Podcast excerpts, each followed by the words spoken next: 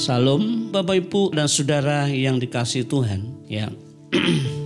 ya kita terus tetap bersyukur kepada Tuhan untuk kesempatan yang indah gitu kita boleh bersekutu bersama-sama dalam kondisi kita untuk terus mendukung doa untuk bangsa dan negara kita yang saat-saat ini benar-benar dalam suatu keprihatinan karena virus corona yang melanda dunia dan negeri kita. Ya untuk itu mari kita akan yaitu bersama-sama merenungkan firman Tuhan. Kita alasi di dalam Injil Lukas. Injil Lukas pasal 17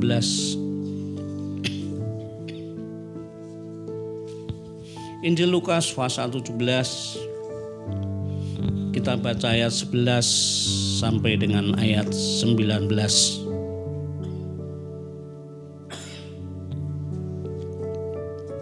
Injil Lukas pasal 17 ayat 11 sampai dengan ayat 19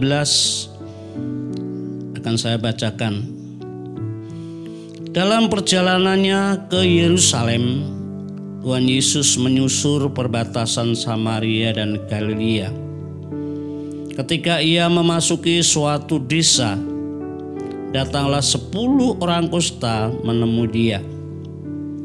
Mereka tinggal berdiri agak jauh dan berteriak, Yesus Guru, kasihanilah kami.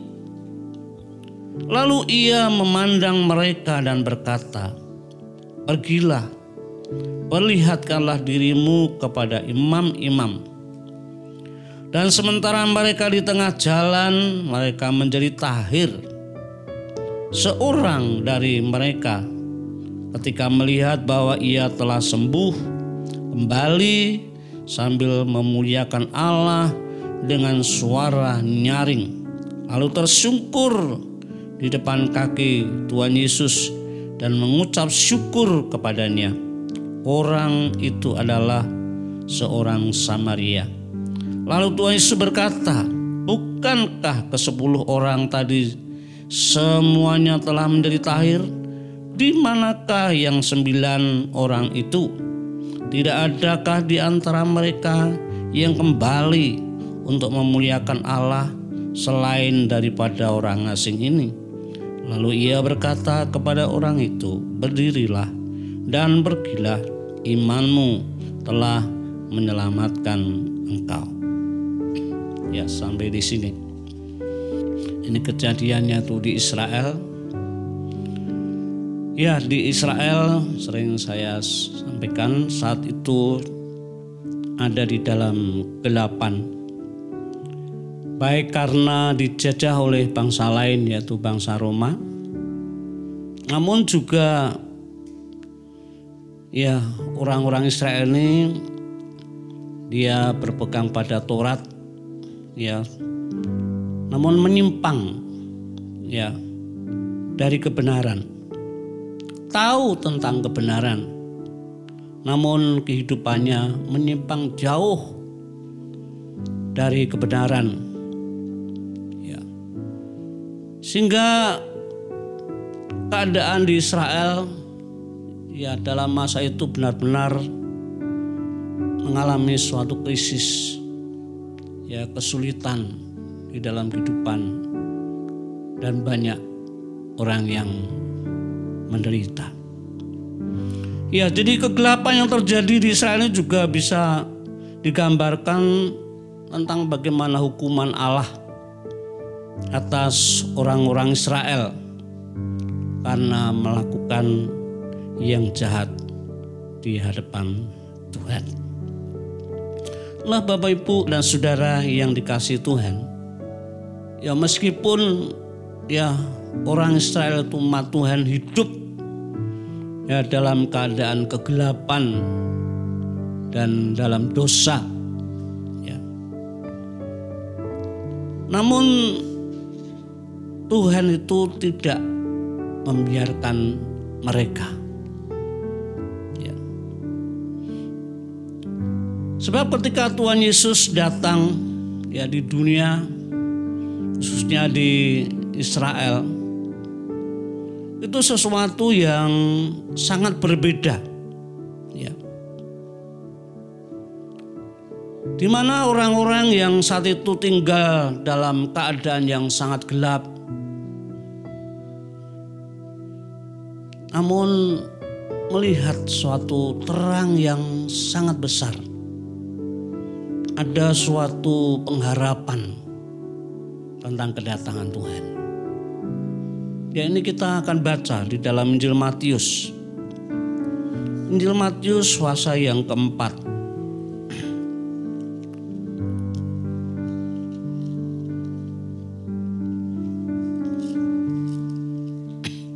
Injil Matius puasa yang keempat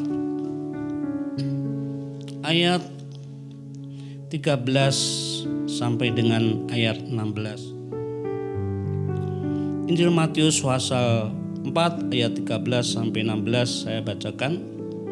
Ia meninggalkan Nasaret dan diam di Kapernaum di tepi danau di daerah Sibulon dan Naftali supaya genaplah firman yang disampaikan oleh Nabi Yesaya tanah Sibulon dan tanah Naftali, jalan ke laut, daerah seberang Sungai Yordan, Galilea, wilayah bangsa-bangsa lain. Bangsa yang diam dalam kegelapan telah melihat terang yang besar. Dan bagi mereka yang diam di negeri yang dinaungi maut telah terbit terang. Ya, meskipun di Israel itu hidup dalam kegelapan. Kedatangan Tuhan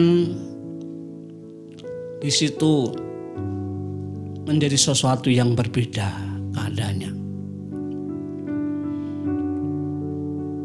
Dan kalau kita membaca banyak perkara-perkara yang Tuhan lakukan dengan khotbahnya, pengajarannya yang benar-benar menyentuh hati, membuat orang itu terharu, takjub. Wah, benar-benar yaitu dan apa yang dilakukan Tuhan itu membuat orang itu benar-benar ada suatu harapan yang sangat besar. Karena di dalam kan dikatakan di dalam Injil Matius tadi di dalam kegelapan melihat terang yang besar. Ya, di dalam dinaungi maut keadaan dinaungi oleh maut terbit terang. Inilah sesuatu yang indah. Meskipun orang Israel ada di dalam kegelapan namun Tuhan itu tidak membiarkan. Sebab terang yang besar ya di mana itu menerangkan tentang Kristus itu cahaya Injil tentang kemuliaan Kristus yang dinyatakan saat itu. Nah, Bapak Ibu dan Saudara yang dikasih Tuhan, ya apa yang terjadi di dunia ini dan negeri kita dengan adanya virus corona yang melanda dunia dan negeri kita. Memang dampaknya tuh sangat sangat luas. Kita bisa tahu ya memperhatikan situasi sekitar kita maupun melalui ya berita-berita di televisi. Ya benar-benar suatu yang membuat banyak orang yang takut dan cemas.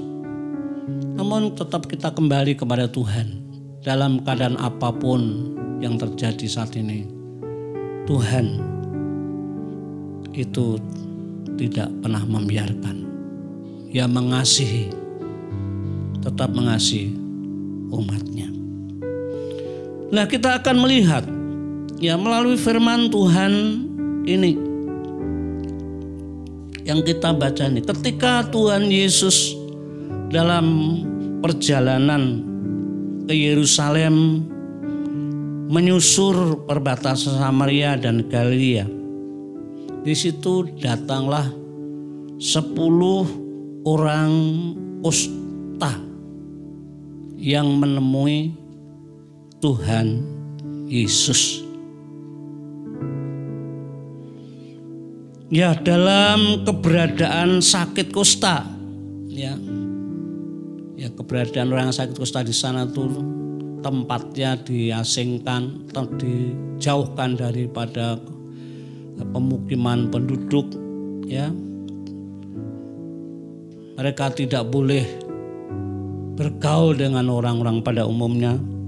Itu bukan perkara yang ringan, sesuatu yang berat, sesuatu yang menekan dalam kehidupan orang-orang yang sakit kusta. Ya. Nah, dalam keberadaan sakit kusta, mereka tinggal berdiri agak jauh dan berteriak ketika Tuhan Yesus lewat di situ. Tuhan Yesus, Guru, kasihanilah kami. Yesus, Guru, kasihanilah kami. Ya kita tahu dari keadaan orang yang sakit kusta ini, sepuluh orang kusta yang berteriak mohon belas kasihan itu 10 orang kusta yang merupakan jumlah yang tidak sedikit.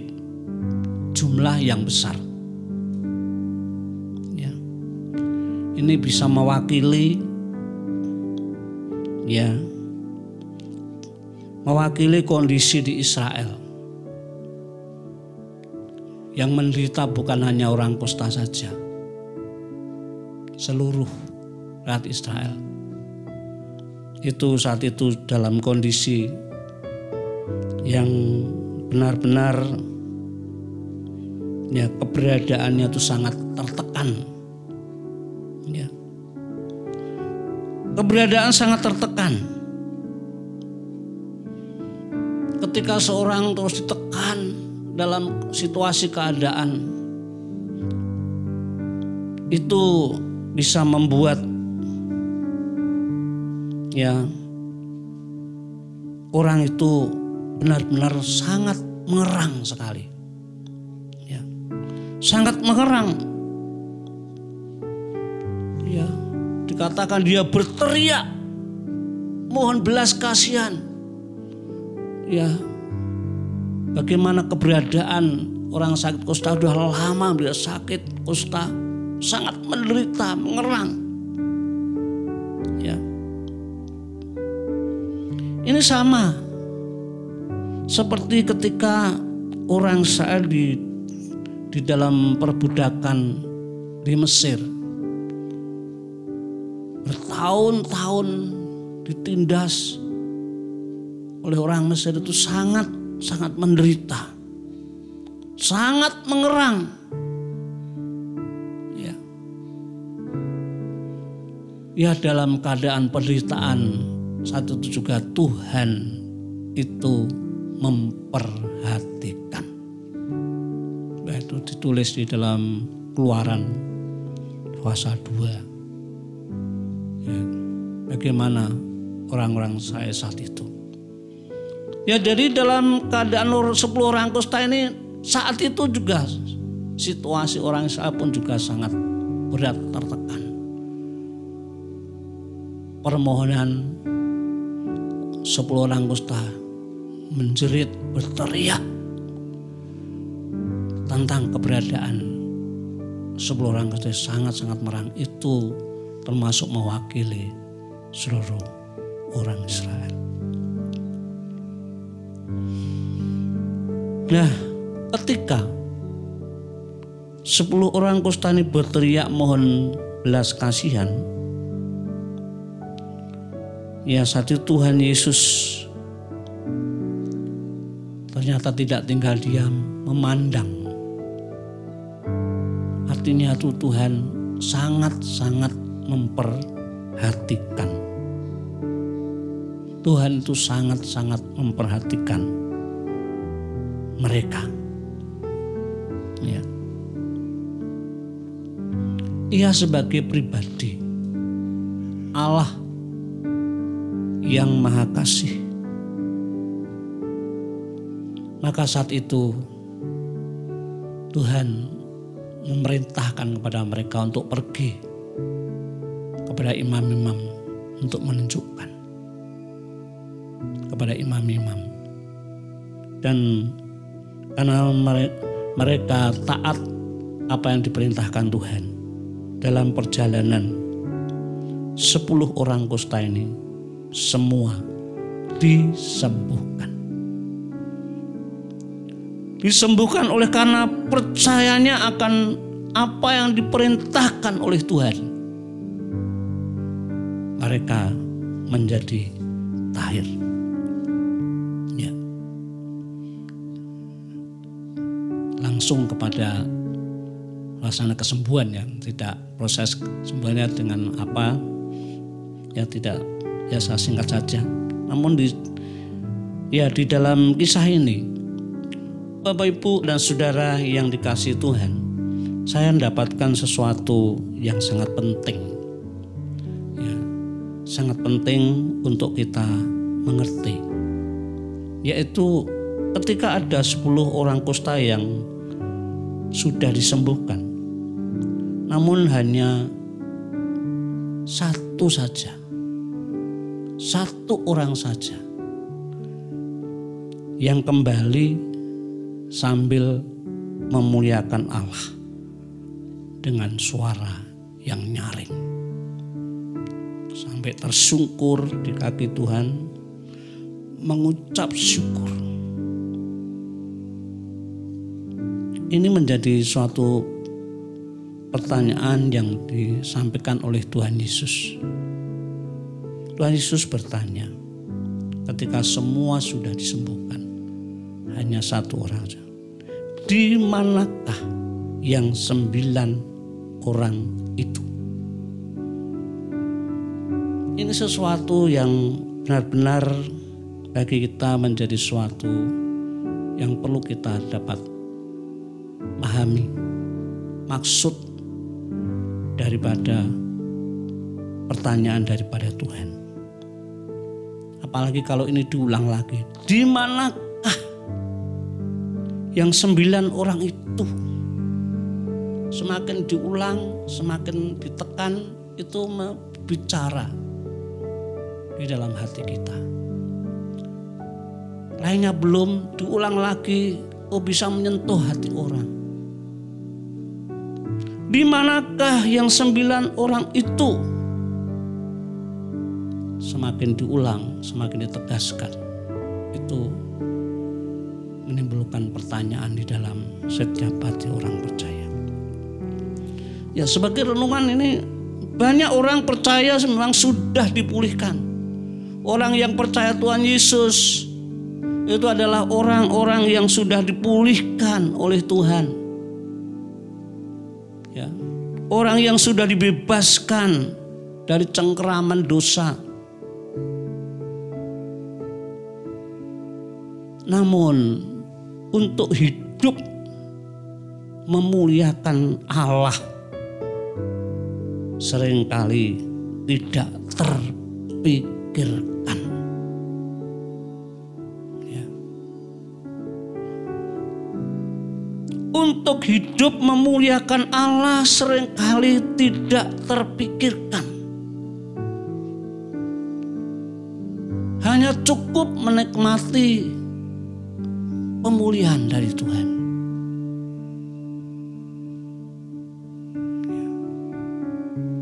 Ini sesuatu yang ditanyakan oleh Tuhan. Di manakah yang sembilan orang itu?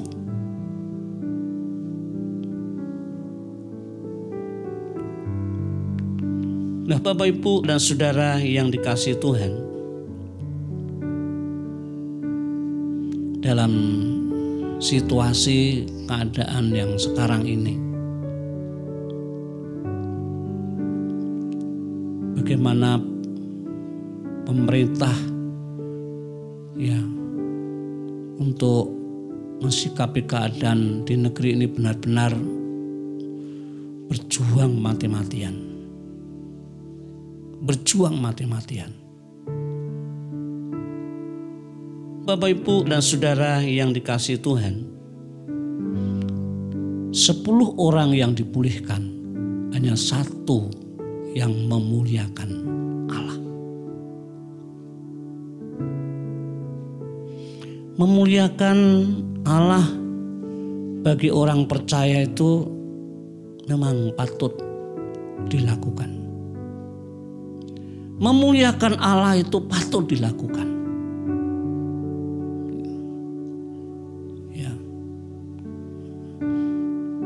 Dan bahkan yang lain suatu kewajiban untuk memuliakan Allah. Bahkan di dalam ayat yang juga itu diperintahkan oleh Tuhan. Ya. Mengapa itu sebagai suatu yang patut dilakukan, suatu kewajiban, itu suatu perintah daripada Tuhan. Karena apa yang diperbuat Tuhan atas kita itu bukan perkara yang kecil. Itu perkara yang ajaib. Tuhan yang sudah menerima kita menjadi miliknya, yang sudah menebus kita. Itu bukan perkara yang kecil, itu perkara yang ajaib perkara yang besar yang tidak dapat dilakukan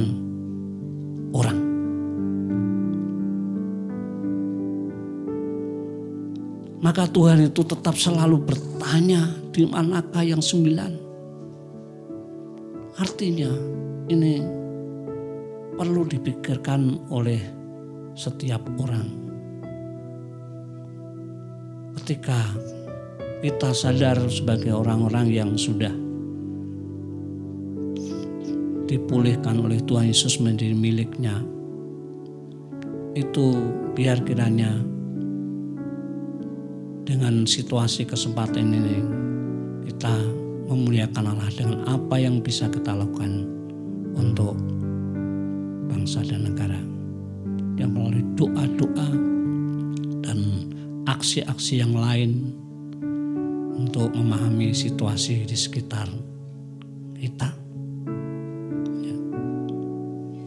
Karena apa yang diperbuat Tuhan itu sungguh-sungguh ajaib. Kita jangan sampai seperti orang Israel. Bagaimana ketika mereka sudah dilepaskan dari perbudakan. Ya, sudah keluar dari perbudakan yang penuh dengan penderitaan hanya untuk memuliakan Allah begitu sulit sekali. Ya waktu tiap saat hanya bersungut-sungut. Tiap waktu tiap saat hanya mengeluh hanya dengan hal-hal yang sepele. Sulit untuk selalu mengingat kebaikan Tuhan. Sulit untuk mengingat keajaiban Tuhan yang Tuhan lakukan. Bahkan sampai memberontak Tuhan. Marah-marah kepada Musa. Sikapnya tidak tahu bagaimana mereka mengucap syukur. Memuliakan Allah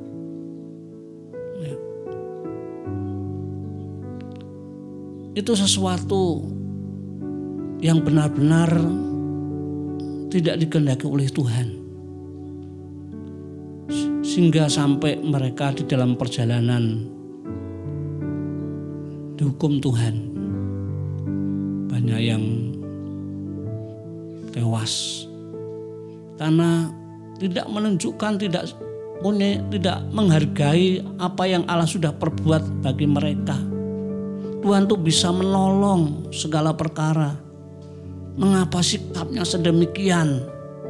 Yang tidak tahu mengingat kebaikan Tuhan, yang tidak tahu bagaimana memuliakan Tuhan, yang Tuhan sudah nyatakan ketika dia mengerang, menderita di tanah Mesir, namun tetap menunjukkan sikapnya yang tidak baik di hadapan Tuhan, selalu ya bersungut-sungut.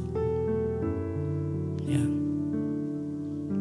Maka ketika Tuhan mengajar mereka, mengusur mereka. Kadang-kadang rasanya berat. Meronta-ronta, mengakui kesalahannya, bertobat. Tuhan tolong mereka. Tapi jangan sampai menjadi kebiasaan seperti orang Israel. Ya sering kali juga orang Israel itu sering kebanyakan di dalam kehidupan orang-orang percaya. Namun melalui firman Tuhan, pertanyaan Tuhan ini menjadi suatu renungan. Kita adalah orang-orang yang sudah dipulihkan. Kita adalah orang-orang yang sudah dijadikan milik Tuhan. Ini adalah suatu yang Tuhan sudah kerjakan pada kita sangat-sangat ajaib. Mari kita senantiasa memuliakan Tuhan apa yang bisa lakukan. Terlebih di dalam situasi bangsa dan negara yang saat ini dalam keadaan yang sangat-sangat gelap.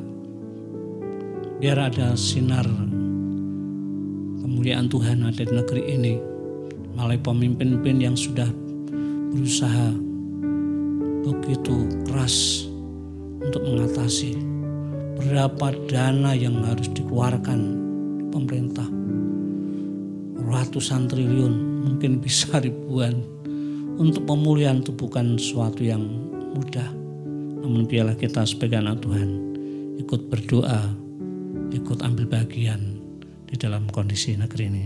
Hanya bagi orang-orang yang sudah dipulihkan yang bisa memuliakan Tuhan. Hanya orang yang tahu menghargai akan Tuhan bisa melakukan. Untuk itu biar melalui firman Tuhan ini menjadi berkat bagi kita, menjadi doa-doa kita di hadapan Tuhan. Tuhan Yesus memberkati.